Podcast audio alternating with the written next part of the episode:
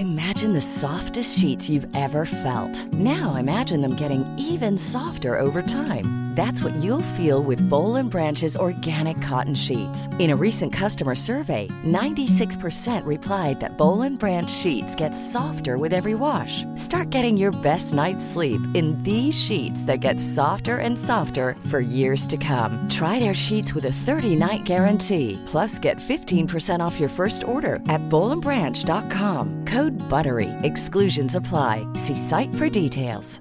When you're ready to pop the question, the last thing you want to do is second guess the ring. At Bluenile.com, you can design a one of a kind ring with the ease and convenience of shopping online. Choose your diamond and setting. When you find the one, you'll get it delivered right to your door. Go to Bluenile.com and use promo code LISTEN to get $50 off your purchase of $500 or more. That's code LISTEN at Bluenile.com for $50 off your purchase. Bluenile.com code LISTEN. There's never been a faster or easier way to start your weight loss journey than with PlushCare. PlushCare accepts most insurance plans and gives you online access to board-certified physicians who can prescribe FDA-approved weight loss medications like Wigovi and Zepbound for those who qualify. Take charge of your health and speak with a board-certified physician about a weight loss plan that's right for you. Get started today at plushcare.com slash weight loss. That's plushcare.com slash weight loss. plushcare.com slash weight loss. Hey, it's Ryan Reynolds, and I'm here with Keith, co star of my upcoming film, If, only in theaters, May 17th. Do you want to tell people the big news? All right, I'll do it. Sign up now and you'll get unlimited for $15 a month in six months of Paramount Plus Essential Plan on us. Mintmobile.com slash switch. Upfront payment of $45 equivalent to $15 per month. Unlimited over 40 gigabytes per month. Face lower speeds. Videos at 480p. Active Mint customers by 531.24 get six months of Paramount Plus Essential Plan. Auto renews after six months. Offer ends May 31st, 2024. Separate Paramount Plus registration required. Terms and conditions apply if rated PG.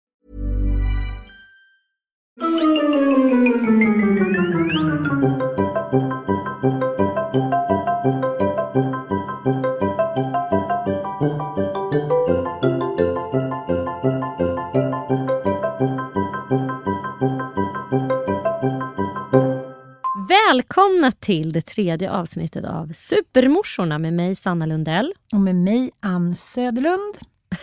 Fan vad du låter uppstyrd idag. Vi lät Mm. väldigt uppstyrda där. Vi, det är vårt nya vi. Ja, vi, vi effektiviserar, det gör vi. Mm, mm, Men du, idag ska vi prata om eh, mammakroppen. Ja, den har ju alltid varit eh, dissekerad i alla tider. Mm. Eh, allt, från eh, Bibeln och framåt. Jag känner mig dubbelt, eh, ja, dubbla känslor inför det här avsnittet. Mm. För att eh, rent generellt så kan jag säga att jag är jävligt trött på att eh, prata om kroppen. Att vi måste ha en relation till kroppen överhuvudtaget. Mm. Jag förstår ju eh, samtidigt att liksom, kvinnokroppen är ju föremål för ob- objektifiering och värdesättning. Och, eh, ja, den är ju extremt liksom, betittad och har varit genom historien alltid. Och kvinnans kropp har ju varit på något sätt betraktats som någon form av eh, värdehandling, får man lov att säga för att bryta det så kan jag förstå att man behöver liksom börja se på kvinnokroppen på ett annat sätt och man behöver eh, ja, lyfta och problematisera hur vi ser på kvinnokroppen. Men ur ett annat perspektiv så känner jag mig trött på det för att på något sätt så är det som att eh, man skjuter sig lite själv i foten när den återigen ska liksom lyftas upp, problematiseras och exponeras. Förstår du vad jag menar? Jo, men jag förstår. Men, men när du då lägger in liksom en värdering i sexuella bilder, där håller jag inte alls med. Du kan väl inte säga att Lady Damer när hon sitter och käkar en bifteka, att det är en sexuell bild? Nej men hon har ju faktiskt vissa bilder där hon eh, placerar sig själv i positioner för att så här, påvisa sexuellt kapital på något sätt. Okej, men Erotiskt kapital. Ja. Alltså det är det jag menar. Att så här, gud, kvinnokroppen, så här, ja jag fattar hela grejen att vi ska normalisera alla typer av kroppar, att alla kroppar ska få visas upp och att unga människor kanske kan få må bra av att se flera typer av kroppar representeras i det offentliga utrymmet och så vidare. Liksom. Men jag är lite grann känner så här, men kan vi inte bara dölja allt? Varför ska kvinnokroppen alltid bara visas upp hela tiden? Ja, vi typ bara tar lakan och går omkring. Ja. Det kan vara små ghostbusters. Precis. Jag den här nakenheten, den här frigjorda nakenheten som... Alltså överallt så är det så här folk som går runt i baddräkter och bikinis. Det är mycket mer så än vad det var. Vi var upprörda över att Anna Nicole Smith var en gång om året på julaffischer. Och nu om vi kollar, går in på Instagram så är det ju för fan nakna brudar eller halvnakna hela tiden. Och även om de då har lite mer eh, så här, mullighet att komma med. Eller, eh, och sen kommer Stina Wolter upp i flödet. Där står hon med trosor och också halvnaken. Det är naket, väldigt mycket naket. Olika väldigt- typer men väldigt naket. Jag fattar, men, men jag måste ändå, om vi nu ska se det rent historiskt, så finns det ju liksom, de flesta då århundraden eller liksom eror så har ju kvinnan liksom varit dold och gömd och instängd i diverse liksom tortyrredskap. Jo det är sant. Ja, som de höga klackarna. Vem uppfann dem? Jo, det var en snubbe som tyckte så här, You're not gonna run away, du ska stanna här. Eller korsetten som var liksom med järnstänger under några glada liksom, årtionden. Det har ju hela tiden varit så här, ett sätt att stävja kvinnan mot hennes frihet. Liksom. Och jag tycker att det har varit så få små liksom, andningspauser. Jag tänker ändå 80-talet och 70-talet eh, när vi var på semester och mamma satt ju alltid liksom bara bikinibrallor. Det var ju så här bara bröstens glada era på 90-talet. Sen kom hiv och då skulle vi stängas in igen och nu tycker jag nästan att det känns otänkbart att jag skulle sitta med mina eh, liksom hänglökar på stranden och ligga liksom med dolda grejer under och sitta och ta en gash som mamma gjorde. Det kändes lite avslappnad på beachen. För mig känns det helt otänkbart. Och då tänker jag så här, det här är ändå bara liksom Ja men det är typ 25-30 år sedan som mamma gjorde det. Eh, och så det fanns väl liksom en liten så här lucka mellan 70 och 80-talet. Och jag, jag tänker att det är så jävla mycket med kvinnokroppen som är tabu. Allt från hår till underlivet och nu liksom, ju fler barn man har fött och inser att fortfarande ingen som pratar om fittan. Liksom. Jag menar 50-60% av alla kvinnor som föder barn får den här bristning grad 2, den här muskler och bindevävsskada. Så typ 20% sitter och håller in en tumme i röven för att kunna bajsa och det ska fortfarande vara så här, nej, det som sker under naveln hos kvinnor, det pratar vi inte om. Liksom. Så att, nej, jag håller inte med. Jag tycker vi ska prata på, men kanske eh, med rätt glasögon. Jag fattar vad du menar. Och eh, jag håller också med på vissa, jag är som sagt lite dubbelt inställd till det. För att jag är också väldigt glad för att jag, och jag vet inte om det här har med åldern att göra. Jag fick ju mitt första barn när jag var 22. Ja. Då, alltså, då var jag ännu mer så här, herregud, dölj er människor, dölj er. Jag tyckte liksom att sluta hålla på och flasha här. Och som sagt, jag blev ju väldigt, väldigt chockad över, eh, över liksom den här väldiga öppenheten som omgärdar barnafödandet. Att man helt plötsligt ska ligga i gynstolar och det ska kännas efter på livmoderstappar och det ska liksom allt det där ska kännas så jävla naturligt och normalt. Och ingen förbereder en på det överhuvudtaget. Nu kanske min morsa var dålig på att göra det. Men eh, jag tycker samhället i stort också var dåligt. Jo, jag vet, men man är ändå inte förberedd. Och jag kände även nu när jag blev gravid med Mattias. Det var ju mitt fjärde barn och det var ju åtta år sedan jag hade varit eh, gravid och fått barn innan. Och det kändes nästan som första gången. Plus att jag var väldigt nykär och eh, ja, vi hade ju bara känt varandra liksom någon månad och sen skulle vi då kolla, göra ett vaginalt ultraljud. Så jag var ju inte 22 va? Så jag skulle upp och kolla. Och jag bara kände att jag fick panik när jag kom upp där i Odenplans läkarhus. Dels var det Mattias och han är inte jättebekväm, eh, liksom, eller var i alla fall inte då kanske med mitt underliv. Vi hade inte träffats så många gånger. Va? Eh, och dels var det en, en gynekolog som, ja, Ja, det var väl inget, det var ju hans jobb. Men för mig kändes jag kände mig så himla utsatt. Jag kände att jag har inte lust att ligga och fläka ut benen för Mattias och hit och dit. Alltså, jag vet inte, det kanske var barnsligt av mig och omodernt. Men jag bara kände att jag var inte riktigt där. Så jag frågade den här eh, gynekologen då om det fanns någon liten gynekologkjol eller något liknande. Men det, det fanns det inte. Så jag gick ut i tamburen där på Odenplans läkarhus och så var det någon som hade glömt någon gammal fleecetröja som jag gjorde en liten, liksom, en liten kjol av. Mm. Men eh, samtidigt så är det ju väldigt synd tycker jag för att eh, man hör ju de mest makabra historier. Jag eh, hörde om en kompis vars blygläpp åkte av. Den liksom föll bort dagen efter hon kom hem eh, från förlossningen. Då. Ja men jag tänker att självklart är det bra att man uppmärksammar eh, underlivet och att man får kunskap om det och att man att vi ändrar inställningen till att det här är så skämmigt och att det borde vara så privat. Liksom. Men eh, eh, jag, jag, jag, tror inte som du säger att det är en speciellt riktat mot kvinnor, att det är någon slags kvinnohat som ligger bakom det här. Utan jag tror bara att vår kultur rent generellt, vi har levt i den här lilla, så här, nej det där är de nedre regionerna, det är pinsamt och allt med skärteri och snipperi och snopperi, det är liksom, nej, det, det. Och sen plötsligt så kliver man in då i, ja. i landskapet barnalstrande. Och då, då ska alla dessa kroppsdelar, och det, det är ju lite grann så. Det är då blir liksom helt exponerade. Det är också ingången till hela föräldraskapet. Helt plötsligt är det liksom små bebisar som är nakna till höger och vänster och man själv är naken. Och det är liksom, man slutar ju bry sig till slut. Och det är väl också en väldigt härlig grej med att bli förälder, tänker jag. Att eh, man slutar skämmas över de här grejerna. Men det blir så dubbla budskap tycker jag. Å ena sidan säger så här, innan man får barn så tänker man så här, men gud, jag sitter och håller på med att prata bajs och torkar snor och sen får man själv en liten snorbus i munnen och bara så här, ah, ja whatever, typ. det blir väldigt, väldigt naturligt. Ja. Men jag kommer ihåg när jag födde första gången och eh, sket på mig, vilket liksom jag har gjort nästan varje förlossning. Jag hade ingen aning om. Nej. Så hela rummet fylls då av en liksom extrem bajsodör.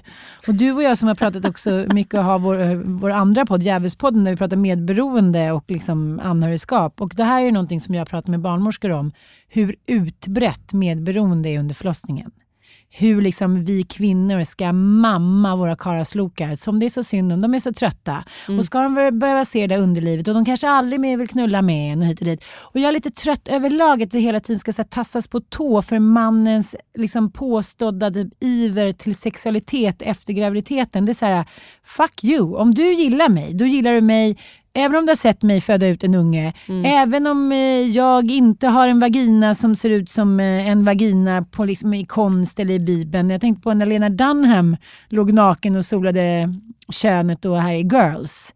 Vilket jävla liv det blev. Hon hade liksom, ja men som jag, en en liten bullpullig. Det var liksom inget vackert eller härligt med den. Åh, jävlar vilket liv det blev. Men hur många penisar har inte jag sett på film? Och det har inte liksom varit de fagraste eller de mest intressanta. Allt från Stellan Skarsgård, som faktiskt Alexander häcklade honom för lite nu.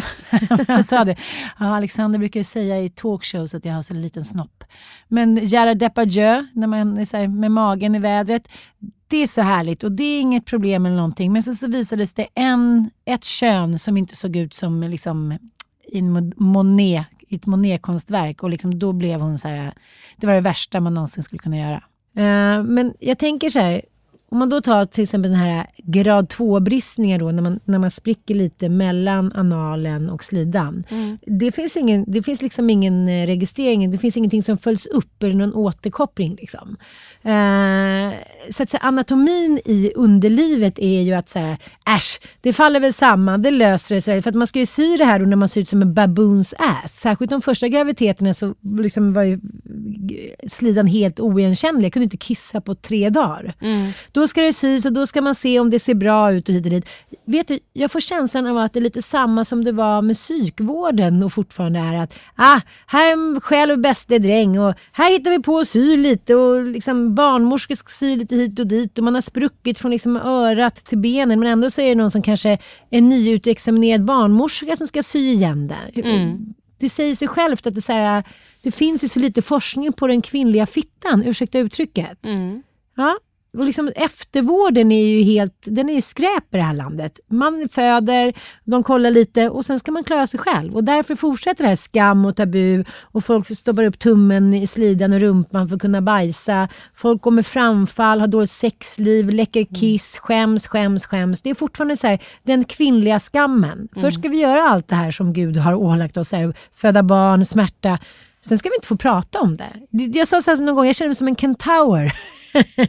det är så här, mina känslor får vara liksom ovanför naveln. Nej, eh, jag tycker det är äpplen och päron. Liksom, det här med och, den kvinnliga kroppen. Men, men det är som att det ändå alltid på något sätt ska vara någonting härligt och sexualiserat. Och jag kommer ihåg när Linda Skugge då vek ut sig eh, och skulle visa hur en hårig mamma såg ut med hårig liksom, slida och håriga ben och blek och hit och dit. Då var det ändå att eh, bilderna togs i svartvitt för att liksom förmildra och försköna. Ja, och att hon ändå var så här, hade en jättenorm smal kropp och att hon ändå var så här, Ja, fram, ja. det stod, såg ju läckert ut. Alltså, ja. Eh, Så att jag, ja, jag, jag är dubbel, det här kan man ju liksom diskutera i, i all oändlighet men en grej som jag i alla fall tycker eh, är fantastiskt eh, för att återigen göra en så här då och nu spaning. Alltså då på den tiden när jag fick mitt första barn, det här är alltså 18 år sedan. Då fanns inte Instagram, då fanns inte Facebook. De bilder på kvinnor som presenterades för mig och oss alla, de kom från veckotidningar som eh, Veckorevyn, L, Damernas Värld. Eh, och sen hade vi lite TV va? Olika typer av skådespelare som hade blivit rollsatta av män antar jag. Också extremt så här, normsmala hela gänget. Tutti Frutti. Tutti Frutti var ett tv-program som fanns. Eh, Ska vi berätta lite om Tutti Frutti? Nej, men det var alltså det var bara 10-12 kvinnor som stod i bikini och så var det, var det Bruno Vincell. Bruno Vincell. Jag fattar aldrig riktigt vad det gick ut på. Skulle man vinna någonting? Ja, men alltså, det har ju ändå hänt någonting i samhället och vi behöver inte gå in och liksom lägga in några värderingar och säga men, men, men det, det är klart att det har blivit vanligare på grund av hur vi lever med människor med olika kroppar. Ja, så på så. det sättet, det vi har sagt är att så här, vi, det fanns bara en viss typ av kropp som representerades för oss och Ja. den ju eh, liksom vi och den, gjorde, den valdes ju ut egentligen av män som satt på tidningsredaktioner, tv-redaktioner eh, och så här, modellagenturer. Ja, men det var inga hälsosamma kroppar. Min mamma Nej, rökte och drack kaffe och drack vin. Hon åt ju typ inte en... Alltså, det, var inga, det var ju bara slanka 70-80-talskroppar. Det fanns ju inte en vitamin i de där kropparna. Det var ju så här, Mm. Pumpade med cigg och lite vin, vin och tinto typ. Mm. Ja, men det såg Men det skulle vara smalt och det skulle vara liksom, det skulle vara smalt och det skulle vara snyggt och det skulle vara sexigt. That's it. Så på det sättet är det så jävla befriande när jag tittade, jag, jag scrollade faktiskt igenom mitt Instagramkonto och man kan beskylla sociala medier för att vara kroppshetsande och att unga tjejer idag har sån himla press på sig och så vidare. Men jag vill ändå hylla eh, sociala medier i eh, den här podden. Därför att när jag ser igenom mitt flöde nu så ser jag att jag har så jävla mycket fler eh, kroppar representerade. Jag har också alltså, så sjukt intresse, därför att det är kvinnor som eh, ligger bakom de här kontona. De ger oss det vi vill ha. Förstår du vad jag menar? Det är inte en massa så manliga chefredaktörer och vinstdrivna hungriga så här, VDs på stora tidningsförlag som, som pumpar ut. Jag följer till exempel, och det här är eh, ett Instagram-tips till alla er lyssnare där ute. Om ni vill veta mer om fittan och mammakroppen. Asabea Britton. Hennes Instagramkonto heter Asabea. Eh, hon har vunnit tidningen Ottars pris, en medalj, en eh, eh, eldsjälspokal eh, för sin, sitt väldigt, väldigt folkbildande Instagramkonto. Asabea. Asabea, alltså så jävla grym tjej. 16 000 följare har hon lite drygt och hon är nybliven mamma och barnmorska. Och hon är så sjukt intresserad av att eh, som sagt folkbilda oss lite grann i allt vi inte visste om, om fittan, om barnafödande och om Ja, allt egentligen som handlar om kvinnokroppen. I sina stories så, som är väldigt, väldigt välproducerade så lär hon oss allt eh, som vi behövde veta. En story till exempel barnlöshet. En annan story efterbörd där hon bara visar upp olika typer av moderkakor och eh, ja, men helt fantastiska Ställningar, smärtlindring, hinsvepning, sätesbjudning. Ja men ni hör, den här är hur spännande som helst det här kontot. Gå in på Asabea Brittons Instagramkonto och lär er allt ni inte visste att ni ville veta om kvinnokroppen. Så som sagt, eh, jag har lite dubbel inställning eh, men jag är helt och hållet med dig att vi behöver självklart lära oss det här och jag önskar så att jag hade haft Asabea Britton som barnmorska när jag födde mitt första barn. Nu ska vi låta som att vi är helt befriade från allt som har med kroppskomplex och sexualitet och blickar hit och dit. Det har vi, vi absolut inte. Jag tror att jag lite har liksom omedvetet gjort upp med det där. Jag har sett min mamma tyna bort, eh, fått ruttna tänder, inte haft något hår, inte haft någon kropp, bara liksom ramlat ner från sin sjukhussäng jag tror att så här, äh, kroppen har både på ett sätt avsexualiserats för mig på grund av det. Samtidigt som att jag har fött massa barn. För, för mig är kroppen mitt liksom hantverk och mitt sätt att så här, få överleva. Om jag inte har liksom bröst som står upp över hakan eller den tajtaste slidan. Eller jag vet inte, det kanske bara handlar om det att jag har avdramatiserat kroppen. Mm. Och vet du, jag tror att det handlar faktiskt mycket om att man har blivit lite äldre. Jag vet att vi vill blunda för det. Men vi är båda 40. Snacka för dig själv! För själv. Och det är ju någonting väldigt befriande med det. Och eh, det påminner mig väldigt mycket om när man var liten och gick in i ett badhus. Jag älskar att gå in i kommunala badhus. Mm. Därför att eh, där har vi ju liksom det vi hittar på Instagram nu. En, eh, en stor liksom, fruktträdgård av olika kroppar. Mm. Och framförallt äldre kvinnor som är helt bekväma med sina kroppar, annars går man inte på ett badhus. De, alltså det är bara kroppar som är. Mm. Det är ingenting, det, det är som att det är djur som är bara helt och hållet bekväma i liksom, sina olika former på eh, tuttar och rumpor och allt vad det är. Eh, och jag älskar att ta mina barn till badhus också av det, av det skälet. Att det är liksom det finns många olika kroppar representerade där och människor som är bekväma med sina kroppar. Att, inte, att, att vara kvinna innebär inte eh, per automatik att man föds med kroppshat. Det finns massor med människor som, massor med kvinnor som faktiskt eh, aldrig har känt det också. Det ska man också... Och ett tips bara som jag har också insett eh, liksom på senare år är att idrotten har jag mycket att tacka för här och jag tror att du har eh, fotbollen, säga, att du har hästarna. ja. Att liksom, när man går till ett sånt, vad ska jag säga, en sport eller något liknande, en idrott eller någon utövning som är liksom ändå, nu är ridning mycket mer tjejfokus, men fotboll är så här, där går man in i en, liksom ett, ett neutrum. Det är en värld där så här, alla lirar, det är fotboll, det kommer järnbrud, det kommer en gummor hit och dit. Det är inte liksom, vi tittar inte på varandra. Någon, när jag blev extra arg och kast, kastade grus, då fick jag så här, då kallade liksom, ja, mina kompisar och de som är emot mig för prinsessan bakom min rygg. Så här, nu kommer prinsessan, hon tycker hon är lite för mer. Och så det var liksom ett skällsord. Men just det där med idrotten, när jag slutade med fotbollen på liksom elitnivå, då var jag ju 17-18 år. Då var det liksom över med den där sexuella kritiska blicken på kroppen. Mm. Det, är så Jag här, håller med. det var jag för sent. verkligen det. Att så här, Mm. Och också idrotten gör ju att vi får känna att kroppen finns till för att liksom, alltså Något den blir annat. funktionell. Mm. det, det blir ett funktionellt redskap istället för att det ska vara ett flaggskepp, liksom ett så här kvinnoskepp som eh, bara ska finnas till för andras blickar.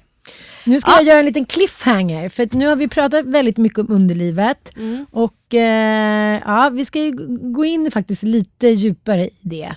Och eh, ja, jag tycker att det här är intressant. Jag ska träffa en kvinna som eh, hon gör vaginal treatment, the SAS. Eh, som går ut på att man, eh, ja, det är någon sorts värmestav som gör då att blodkärlen ska Aktiveras. Dras ihop. och, och så att man kan få lite bättre liksom, känsel där nere. Jag kanske ska testa. Gud vad spännande. Ja, Vad är det här? En ny typ av behandling? ja, som en värmestav som då på liksom 25 minuter ska ja, dra ihop då eh, vaginan så att man får bättre känsel. Och så här. För det är också någonting som vi inte ska låtsas om för att kvinnor skäms att man föder barn och därför blir slappare, vilket tyvärr är liksom både tidens och kroppens liksom, ja, tandem, om man ska säga. Att, Mm. eh, Ja, det är med, med all sorts elastik. Och eh, jag tycker att det har blivit svårare att få orgasm och jag tror att det har med det att göra såklart. Så jag tänkte bara kolla upp det här. Det kanske är spännande. super... Det Ja, kanske är en skitbra. liten cliffhanger. Ja, för att Ah. återkomma i frågan. Måste fråga vad du tycker om det här. Jag fick en dickpic för någon vecka sedan. Va? Ja. Av en okänd människa? En okänd man. Nej, det har aldrig hänt mig. Jag har aldrig fått en dickpic. Nej, det är för att du är så kall. ja, men jag fick det.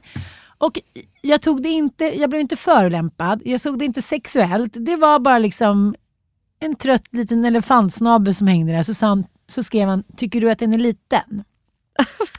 Vilken jävla fråga. Och då tänkte jag, så när man var liten och åkte tunnelbana så plötsligt kollar man till vänster så satt det någon, någon farbror med en jättesnopp och liksom under rocken och runkade. Hur chockad man blev och att liksom, det är den effekten som män som också skickar dickpic vill ha. Att de bestämmer över att jag ska titta på någon penis även fast jag inte har valt det. Ja. Och- en blottare helt enkelt. Ja, alltså- Nutidens blottare. Ja, det är verkligen samtidens blottare. Ja. Eh, och då kände jag så här, jag vill aldrig mer eh, att någon ska bestämma att jag ska känna mig liksom eh, maktförnedrad eller liksom sexuellt utnyttjad för att min blick inte har valt det. Så jag svarar bara så här, det är en average show men pungen flyger ju. jag tog det inte sexuellt. Jag tog, han vann inte över mig. Han fick inte sin, han fick inte sin lusta och makt. Nej. Ja, och sen blockerade jag honom. Och sen blev han ju galen så då bara var det nya konton hela tiden. Och så Aha. svarade inte han, då skickade han till någon kompis till mig och så här.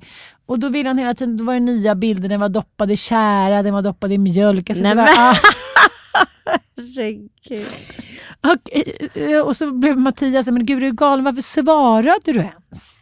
Han ville ju bara så här, eh, han skrev här, nu har jag skickat till- till Anita, hon la ut. Alltså han ville ju då att våran blick skulle tycka att det här var sensationellt och spännande. Ja. Så han fortsätter med sitt, tycker att den är liten. Och så, han förklarade, det spelar ingen roll hur mycket du liksom tar bort mig för jag kommer bara på nya konton. Mm. Och till slut så blev det ju obehagligt. Mm. Men jag bara kände så här, i efterhand så tänkte jag så här, nej, han fick mig aldrig dit han ville och det var ingenting som jag hade bestämt. Det var bara så, jag kände inte så. Jag kände inte att han stod över mig i sin sexualitet och kunde bestämma att jag skulle bli förnedrad eller förminskad eller någonting. Ja. Så det var helt enkelt det enkla svaret på att jag, så här, ja, jag svarade det jag först tänkte. Jag vet inte om det kanske var fel. Nej, men jag, alltså jag förstår hur du menar. Det är en väldigt befriande metod att själv ta makten över sin reaktion. Ja. Eh, och att inte så att säga ge eh, den här då blottaren vad hen vill ha. Utan bara så här, vara helt obrydd kring det. Ja. En bra metod för att hamna i det, det är off- jag brukar ofta tänka så här, nu har inte jag fått någon dickpic. Eh, detta jag betyder inte att Ska jag Petra skicka en är till på att få det. Men eh, jag tänker ofta när jag får knäppa grejer så här, att oj, det här är från en sjuk person. Mm, mm, Och då har man ju avväpnat dem direkt. Liksom. mm. Men det är, jag har ju varit eh, programledare i programmet Stalkers och då vill jag ge dig ett tips här. För jag är ju som sagt expert på det här med stalking. Eh, du ska aldrig svara. Nej. Där har eh, lilla gubben Mattias helt riktigt och rätt. Man ska liksom inte ge dem någonting. För de, det som suktar ju efter att få bekräftelse eller gensvar på ett eller annat sätt.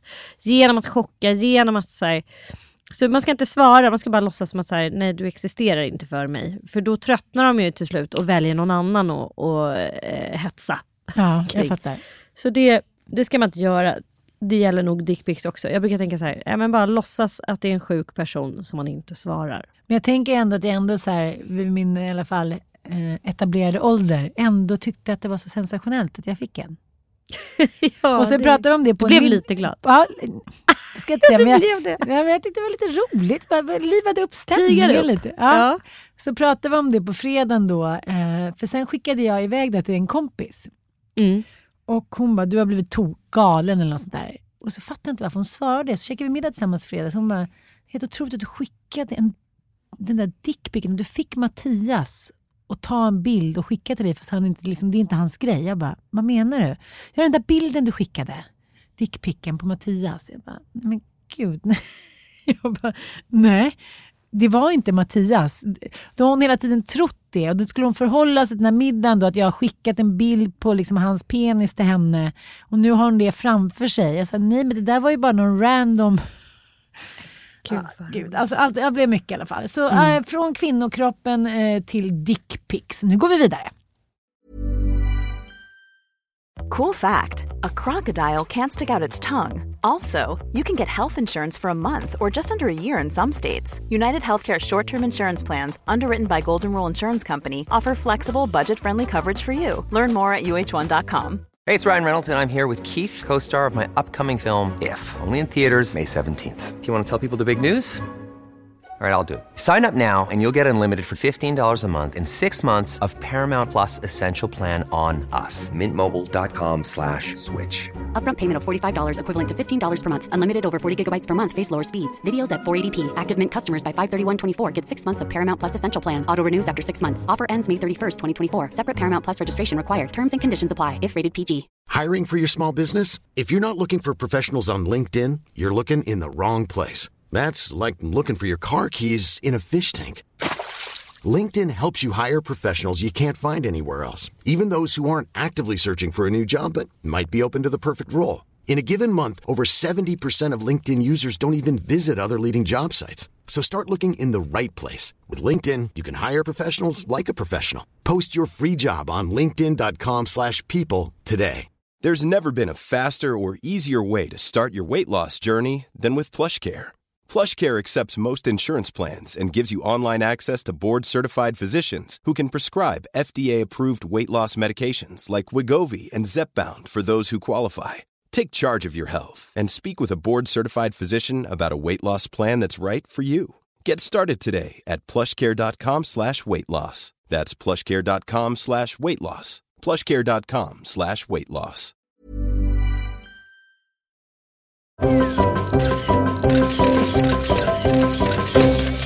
Hollywood. Skvaller från det stora landet i väst. Ja, jag eh, har ju en återkommande Hollywood-spaning i den här podden. I, med eh, tanke på kväll, dagens tema, alltså kroppen och mammakroppen, Mm. så väljer jag att lyfta Gwyneth Paltrow. Mm. Denna dansande lilla elva. Hon eh, har ju en hälsosajt som heter Goop. Det är ett livsstilsmagasin på nätet där hon prånglar ut diverse olika typer av hälsokosttips. Det är mycket yoga, det är mycket pilates, det är mycket veganskt, det är mycket kristaller. Och eh, Det är väldigt mycket kristaller. mycket örter. Hon har också blivit anklagad för att hålla på med humbug. Ja, hon har ju blivit anmäld för kvacksalveri. Bland annat för att hon saluför på denna sajt ett lavemangskit för en facila priset typ 5000 spänn. Du ska alltså skölja tarmen. Men hon har också, eh, hon saluför också någonting som har blivit väldigt hett. Kristallägg. The Joni eggs. Alltså det vill säga ägg eh, att utföra knipövningar kring. Mhm. Gjorda i eh, olika typer av bergs, bergskristaller, rosenkvarts, ametist och dylikt. Men varför skulle det vara bättre? Skulle det vara mer magiskt? Ja, men de här eh, kristallerna påstås ju då ha liksom helande effekter och eh, även snippan behöver helas. Enligt Gwyneth. Och eh, jag måste säga att jag eh, blir väldigt sugen på att köpa sånt här ägg. Va? Ja. Jag tycker de är snygga, jag tycker de känns sensuella. Men Du och jag kan bara åka till Grekland och köpa ett sånt på en turistbasar. Jadeägg från Kina. ja, men vadå, tror du att det här är några särskilt nå- nå- nå ägg? Hon har luskat fram på en sån här magisk les, lesbionö, eller vadå? Ja, men de ser ju bara så här väldigt snygga ut. Jag tycker också att hela hennes så här, Gwyneth kan konsten att göra allt som är så här hippieflummigt till någonting lyxigt. Kanske för att hon har lagt på en tusenlapp om man säger så, på varenda produkt där. Alltså att Men allting du, känns ja, väldigt jag dyrt fattar. och, Du menar att det skulle kännas liksom. bra för dig, ungefär som att du skulle kunna tänka dig att ha en dildo i guld? Ja, men, Ja, precis. jag fattar. Det, jag vet inte varför jag går igång så mycket på den här lyxigheten. Troligtvis därför att alla erotiska, eh, så att säga, det som kallas för leksaker, bara det är ju så sinnessjukt. Att vi kallar liksom sex, eh, ja, men vad ska man annars kalla det för? Vi har ju det så inympat i oss att det heter sexleksaker. Ja. Att man ska leka i sin typ, alltså vad fan ha är något det? hot. Ha något hot. Man ska leka med sin dildo. Alltså, jag tycker det är så jävla knäppt liksom, att, man, att man gör det till någonting barnsligt. Att man ska så här, leka i sänghalmen. Du menar att det är riktigt jävla hardcore alltså?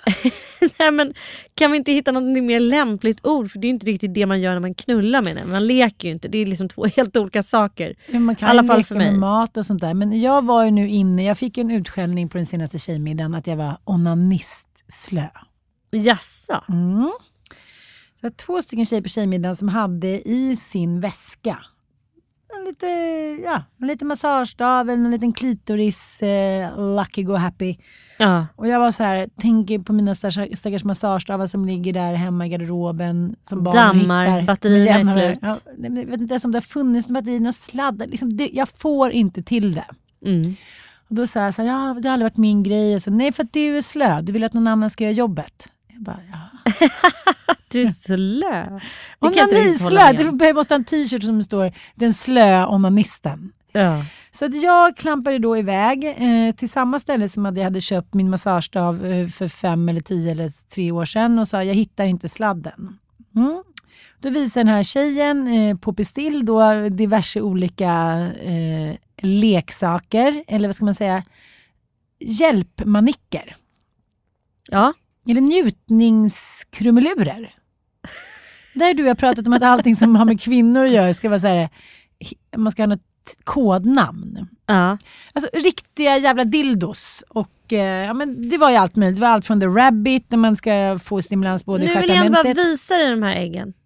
Ser de ändå inte lite vackra ut? Jo, men såna där har jag köpt i Turkiet för fem kronor. Du ska, jag få ett sånt av mig. till dig. Joni Eggs.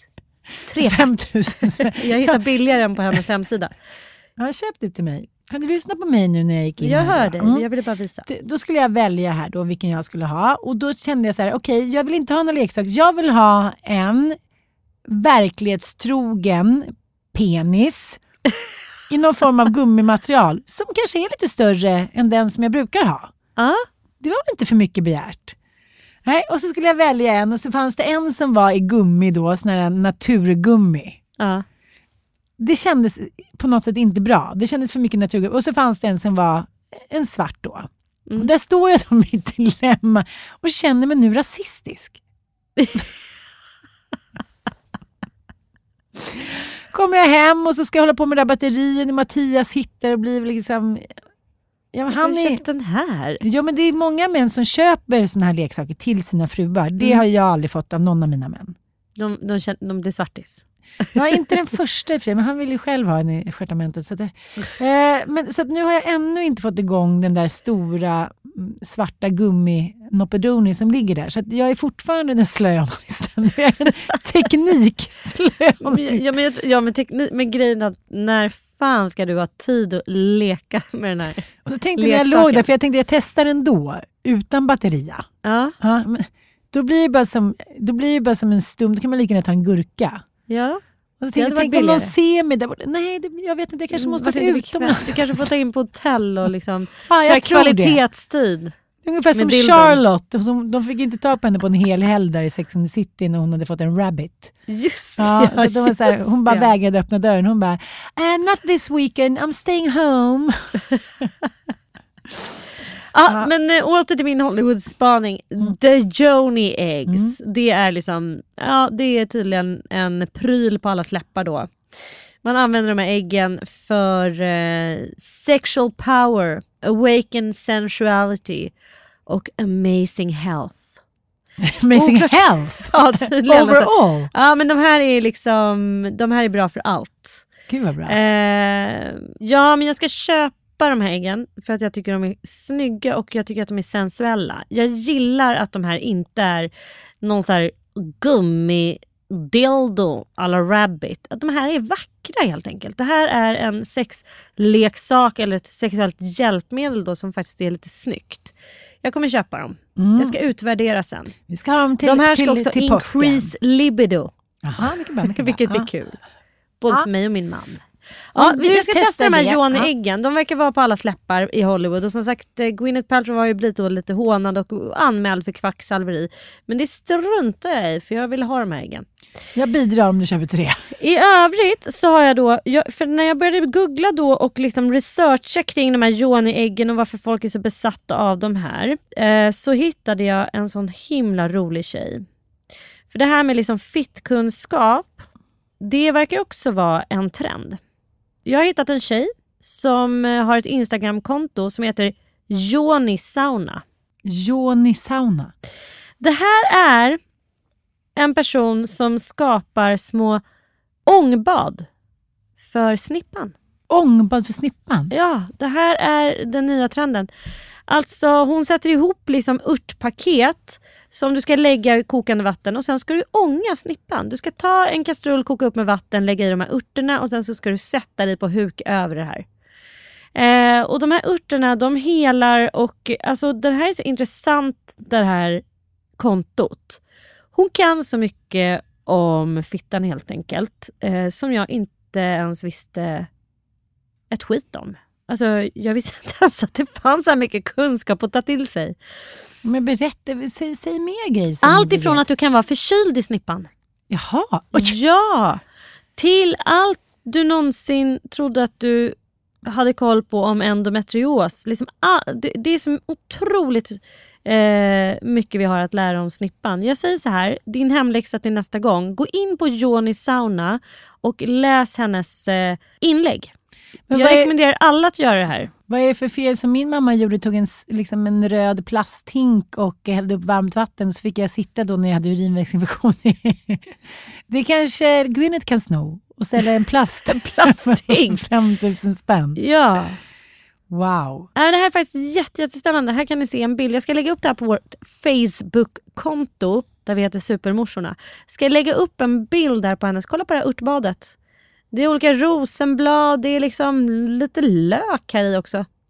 Jaha. Ladies, did you know that you can save your roses and add them to your vaginal steam? Ska Eh, fittan äta upp det där sen också? En liten lök och gurka. Fittan ska bara inandas detta. Den ska tas om hand. Du ska göra en sån här yoni sauna för du, du behöver de här örternas... Ja, Jag är som sagt inte helt och hållet hundraprocentigt insatt i det här. Men med anledning av de här yoni-äggen så började jag ju då... För yoni betyder eh, kvinnlig kraft på sanskrit. Och det syftar ju då till du kallar det pulli, andra kallar det snippa, andra fitta, whatever, vad vi nu kallar vårt kvinnliga kön. Så är yoni, så börjar man googla yoni så kommer ni få så mycket härligt fittkunskap eh, er till livs. Gör det bara. Det är en trend. Mm. Det är en Hollywood-trend, det är en trend på sociala medier. Fittkunskapen.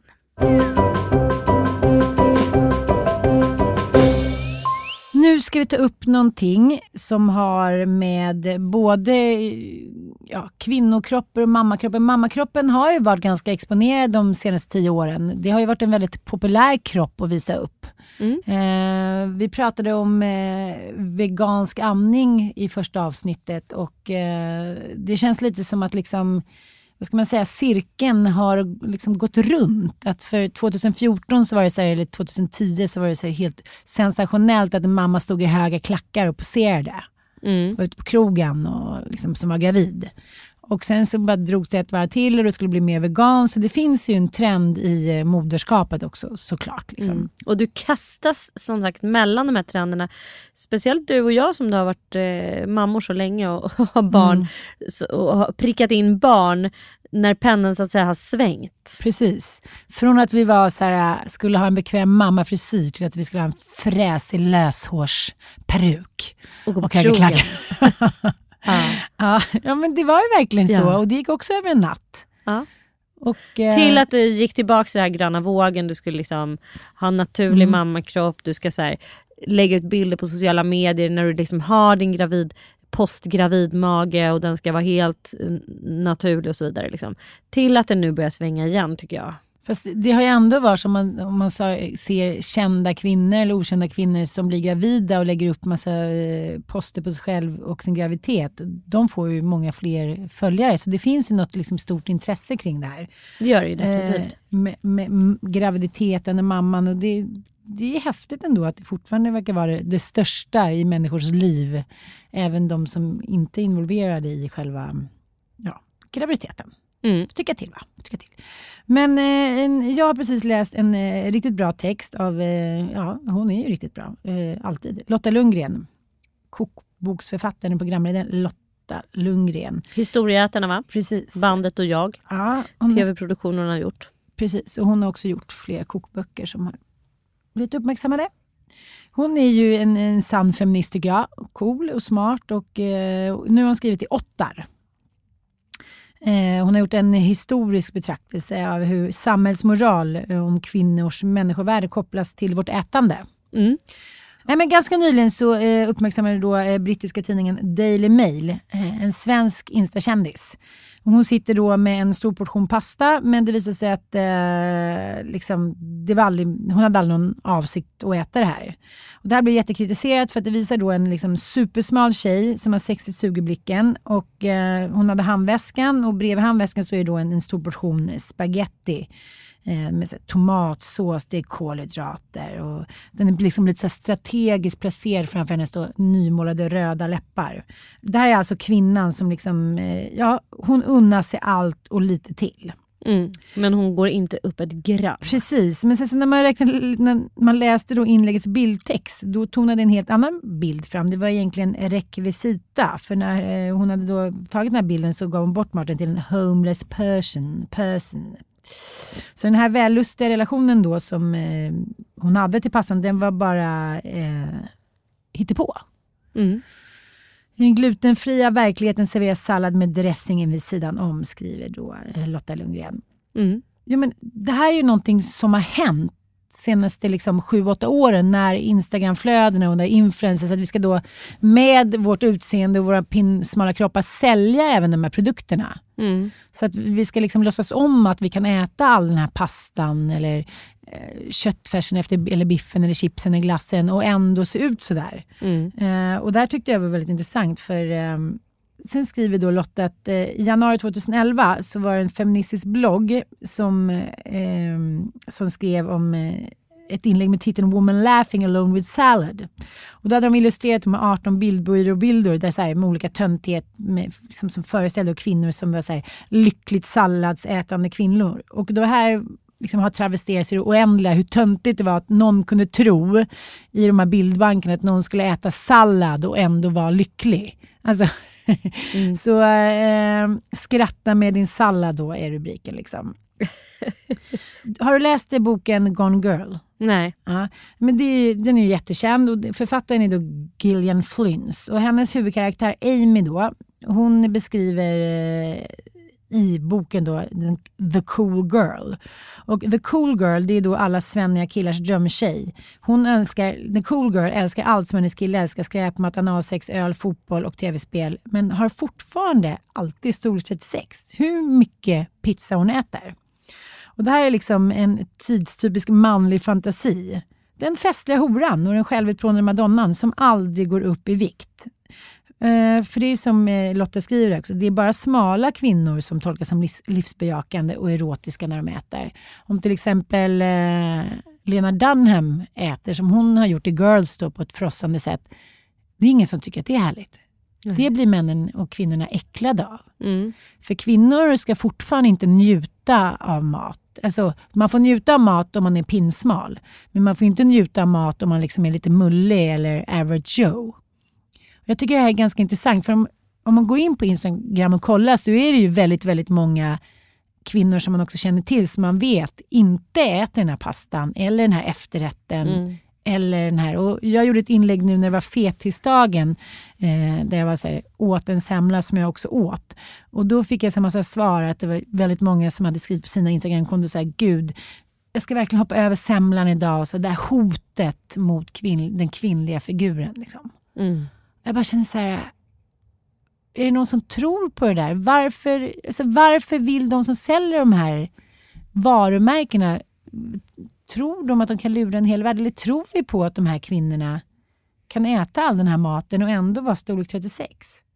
Det är väl bara en hedlig gammal, alltså så har väl reklam alltid nyttjat kvinnor genom alla tider. Precis som att Pepsi och Coca-Cola har valt att saluföra sitt, eh, sin produkt genom unga vackra popstjärnor. Mm, mm. Trots att man vet att liksom den produkten verkligen är så här, både hälsofarlig och liksom skapar fetma.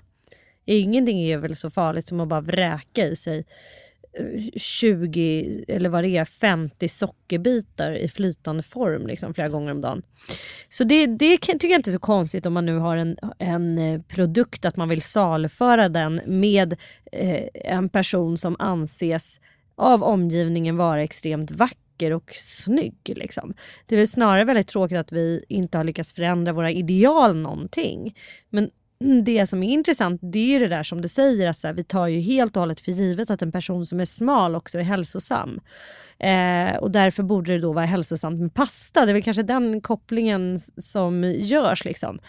Eh, Medan en person som då har någon typ av övervikt eller bara är helt vanligt, eh, ja, men har då en normalvikt anses vara eh, hälsofarlig när han eller hon lägger upp poster när de käkar. Ja, men typ som Lady Damer som eh, la ut någon bild när hon käkade en kanelgiffel. Mm. Och folk bara “fy fan det är så osund livsstil” och, hon, och en pucko. Det är liksom helt patetiskt. När man vet att någon som är pinsmal och typ livnär sig på, på Snickers. Det är klart att den personen har sämre värden. Skulle man göra en hälsokontroll och ta olika typer av blodprover och så vidare på den personen så skulle den ha vi- hemska värden. Blodbrist och anemi och allt möjligt liksom drabbar ju personer med undervikt. Medan en normalviktig då, eller överviktig person kan ju ha toppenvärden. Liksom. Mm. Så det är, Men nu, jag är inte riktigt, fråga. inne, jag är Jag är inte riktigt inne återigen- på det spåret. Jag är bara inne på det spåret att eftersom kvinnans moral alltid har varit så eftersträvansvärd eh, i Bibeln, i hemmen, allting. Att kvinnan liksom, hon föder barnen, uppfostrar, men hon kan också avstå. Att- frosseri, frossande kvinnor, det gillar vi inte. Nej, nej, nej. Man gillar inte kvinnor som, som, som så här, avstår från liksom, den kvinnliga moralen. Det tar vem som helst. Som, ja, men Kerstin Thorvald som älskade att dansa och erkänna att hon älskade att ligga. Oh, liksom, man får inte erkänna, man måste vara måttfull. Ja, då- eller i alla fall om jag vill vara, jag tror så här, kvinnor som har, spelar på, sitt, eh, på, sin sexuella, på sitt sexuella kapital, de får frossa, de får mumsa. Liksom, fyller du ditt flöde med Instagram-poster där du liksom spelar på din, eh, på din sexuella potential. Där du står med putmun, du har liksom svank på varenda bild. Då är det helt okej att lägga upp massa jävla spagettibilder. Om du har en annan eh, approach så att säga eh, med ditt varumärke där du bara liksom vägrar att gå med på de här sexuella eh, påserna. Det här poserandet så att säga. Med putmun och sug i blicken och hela den grejen. Då är det inte okej att hålla på med frosseri och kanelgifflar och fan hans moster.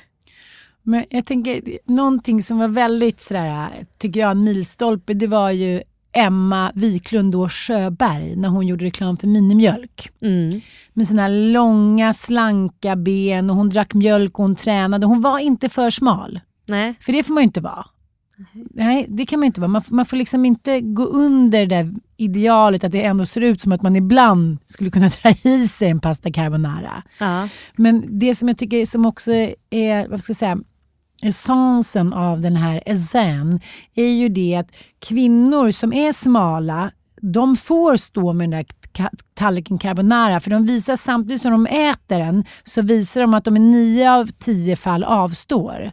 Och hela den här, liksom, när var det Emma Sjöberg, när var hon stor? 2008? Nej, 2009? 90-talet. Ja, var det så? Alltså? Ja. Jo, men, jo, men alltså, att, att vara sådär smal och ändå vara hälsosam, det handlar ju om en disciplin. Som man också ser liksom hos överklassen väldigt tydligt nu. Om man jämför med förut så var ju överklassen, överklassmännen, Stenbeck åt ju till exempel ihjäl sig. Eh, det var ju ganska länge synonymt med att man var välbärgad, att man då var överviktig. Liksom. Mm. Nu är ju överklassen helt åt andra hållet. Nu är man ju liksom vegansk, man äter biodynamisk mat, man tränar. Vi gör här jättedyra hälsokontroller hela tiden, kollar EKG och ultraljud på hjärtat. fast man kan fästa till. ja. Ja, för att man har den disciplinen att de nio andra gångerna äter man inte en fet burgare och pompar och liksom dricker liksom tio liter vin. Och därför är man accepterad, för man vet att den här människan är disciplinerad i vanliga fall. För det vittnar ju hennes kropp om och hennes så här, sug i blicken om att hon liksom hon är allt det där. Hon är madonnan, horan, hon tränar, hon är fitnessguden. Herregud alltså. Mm. Men vad tänker du när du ser de här bilderna på Insta? För man vet ju att det är ingen som äter upp det där sen. Det är när man är på middagar ofta så är det så här, man tar sin efterrätt och man är glad. Jag, jag kan bli lite tvärtom. Fast jag tänker också så hur jävla ohälsosamt, det är väl bra om man har disciplin, disciplin nio dagar av tio. Mm. Och, Ja. man nu, alltså det, tyvärr är det ju så att vi, jag menar, där kan jag tycka också så här, vi kan ju inte tro att vi ska kunna leva hälsosamma liv om vi liksom ska frossa i oss och bara så här släppa på alla spärrar och vräka i oss fri tillgång av så här carbs och sötsaker. Det, det kommer ju leda oss i någon typ av kroppsligt fördärv i alla fall. Jo, jag vet, men jag tänker lite som, som jag känner så här, när vi njuter kan vi väl njuta i alla fall. Då kan vi väl äta pastan. Precis. Mm. Och sen så får vi väl hålla igen annars då. Men men nu känns det som att nu har hela njutningen försvunnit igen för kvinnan. Men är det inte det bara att så här, det är inte vanligt folk vi snackar om. Vi snackar om så här, influencers vars eh, bilder är sponsrade i liksom 50% av alla fall. Och att de vill bygga ett varumärke kring olika saker. Bara, Gud, jag tror jag ska, mitt konto ska handla mer om mat. För det blir skitbra för det finns mycket sponsorer där. Om vi ska Ja. vara ärliga och krassa så handlar det väldigt mycket om det. Helt plötsligt bara börjar folk lägga upp jävligt mycket matbilder. Då är det väl några så här Ja, men då har man fattat att det är där det går att tjäna pengar. Skitbra. Helt plötsligt ska alla vara så här reseinfluencers och åka runt och posta bilder när de ligger på paradisstränder. Ja men då är det för att resebranschen är en bra, eh, de är bra försäljare för tillfället. Liksom. Så influencers, eh, eh, man ska väl liksom inte riktigt dra ett likhetstecken mellan influencers och så att säga vanliga instagrammare bara. Eh, sen är det klart att de är ju influencers och de influerar ju och inspirerar människor till att vilja göra samma grejer. Det ligger ju i sakens natur. Men kritisk blick är väl någonting som är, är bra att försöka anamma och ha.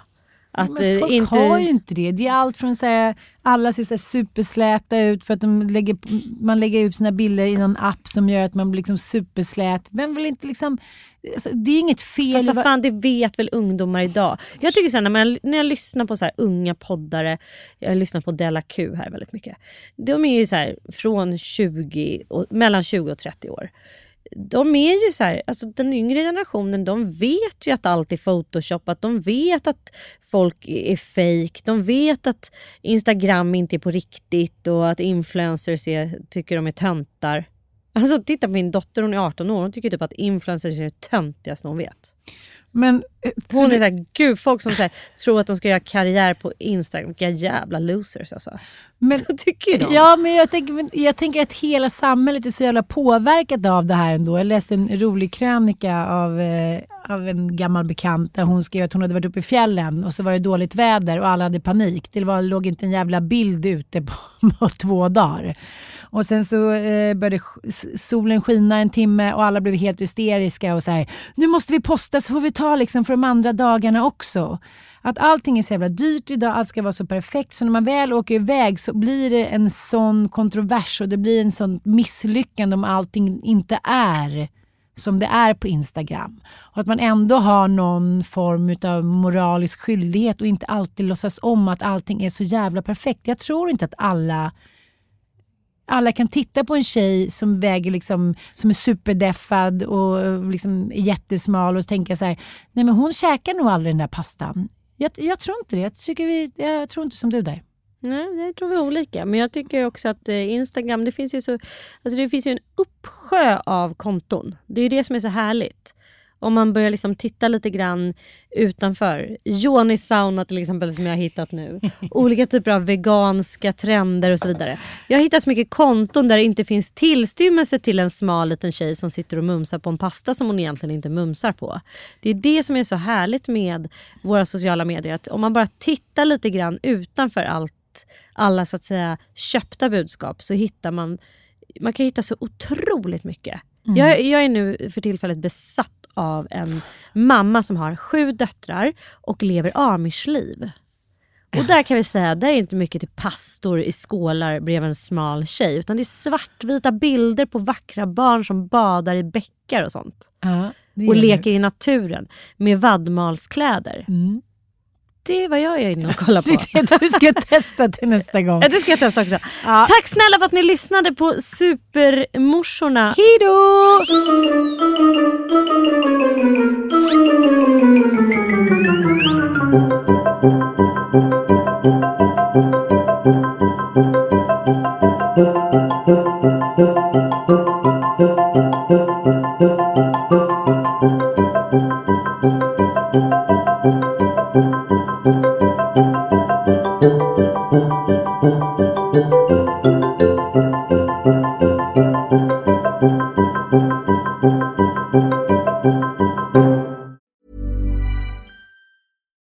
Daniel, founder of Pretty Litter. Did you know cats tend to hide symptoms of sickness and pain? I learned this the hard way after losing my cat, Gingy. So I created Pretty Litter, a health monitoring litter that helps detect early signs of illness by changing colors, saving you money and potentially your cat's life. Pretty Litter is veterinarian developed, and it's the easiest way to keep tabs on your fur baby's health right at home. Go to prettylitter.com and use code ACAST for 20% off your first order and a free cat toy. Terms and conditions apply. See site for details. Even when we're on a budget, we still deserve nice things.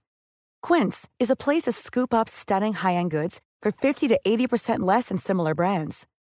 They have buttery soft cashmere sweaters starting at $50, luxurious Italian leather bags, and so much more.